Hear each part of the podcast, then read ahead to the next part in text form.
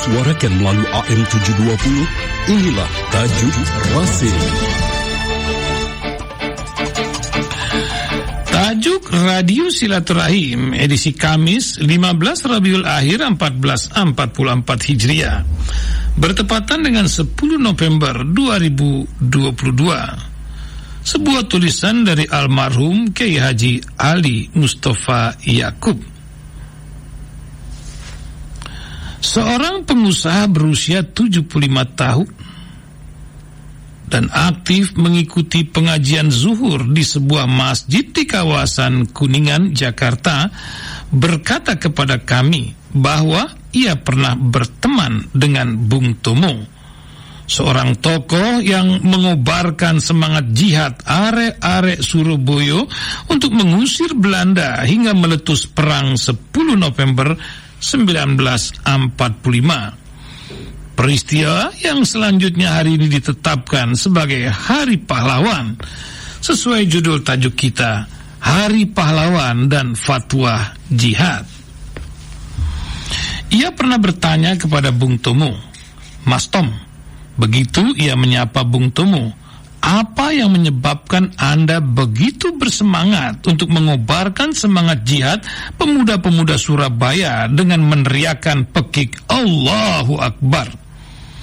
Bung Tomo menjawab bahwa ia baru saja sowan menghadap Hadratus Syekh, Syekh Kiai Hasim Azari di pesantren Tebu Irang, Jombang dan beliau berfatwa bahwa wajib hukumnya bagi umat Islam Indonesia untuk melawan dan mengusir Belanda dari tanah air. Fatwa itulah yang mengilhami dan mendorong Bung Tomo untuk melakukan kewajiban agama dalam membakar semangat arek-arek Surabaya untuk melawan Belanda.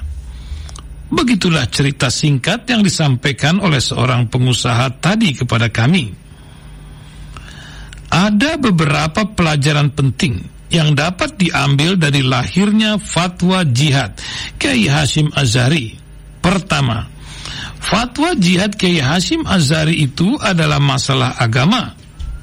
Dalam kitab-kitab fikih hukum Islam disebutkan apabila musuh telah memasuki wilayah tanah air dalam radius musafatul qashr jarak yang membolehkan seseorang musafir mengkasar salat dari tempat tinggalnya maka kita wajib fardu ain untuk melawan dan mengusir mereka pada saat yang sama, membela tanah air adalah sebuah kewajiban terhadap negara.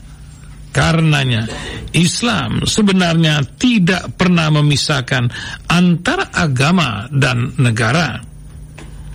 Kedua, fatwa jihad Kiai Hashim Azari yang saat itu menjadi Rais Akbar Partai Masumi memberikan legitimasi bahwa negara kesatuan Republik Indonesia yang diproklamasikan kemerdekaannya pada 17 Agustus 1945 adalah negara yang sah menurut syariat Islam. Dalam kitab Bukhyatul Mustarsyidin dalam halaman 152 karya Al-Qadi Abdurrahman Ba'alwi Mufti negara Hadramut beliau mengatakan setiap wilayah yang didiami oleh orang-orang Islam dan mereka mampu membela dirinya dari serangan lawan, maka secara otomatis wilayah tersebut menjadi Darul Islam, negara yang sah menurut syariat Islam.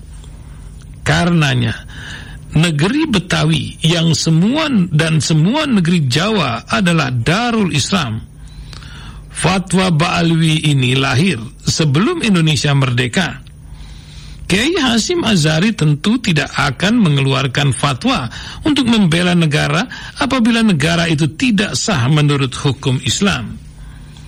Ketiga, fatwa jihad Kiai Hasim Azari juga menunjukkan bahwa jihad tidak identik dengan terorisme.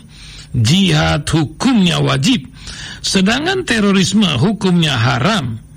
Selain itu, jihad memiliki syariat dan aturan-aturan tertentu.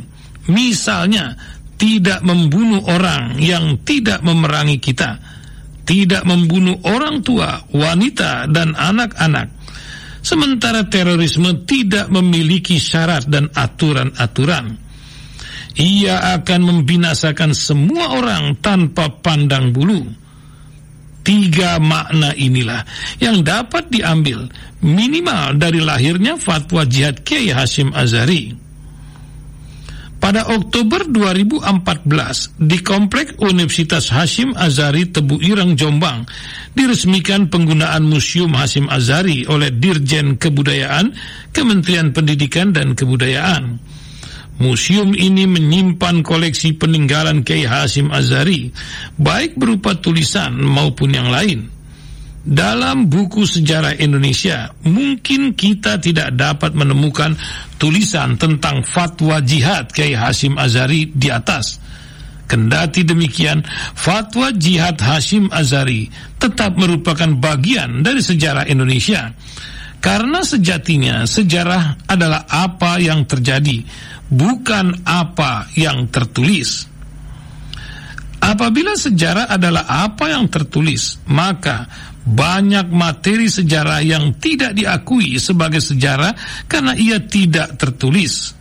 Sebaliknya, banyak hal yang bukan sejarah tetapi disebut sejarah karena ia tertulis dalam buku sejarah. Dalam perspektif ilmu hadis, berita tentang fatwa jihad Kiai Asim Azhari itu masuk dalam kategori berita mutawatir, yaitu berita massal yang diterima dari generasi ke generasi. Minimal setiap generasi ada 10 orang. Berita seperti itu diterima sebagai sebuah argumen dan valid untuk menjadi rujukan.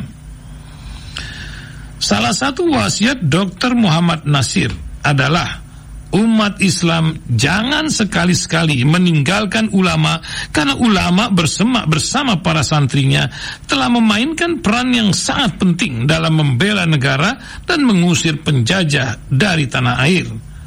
Puncaknya adalah fatwa jihad Kiai Hasim Azari yang mengilhami Bung Tomo untuk mengobarkan pertempuran 10 November 1945 di Surabaya. Wallahu a'lam bissawab.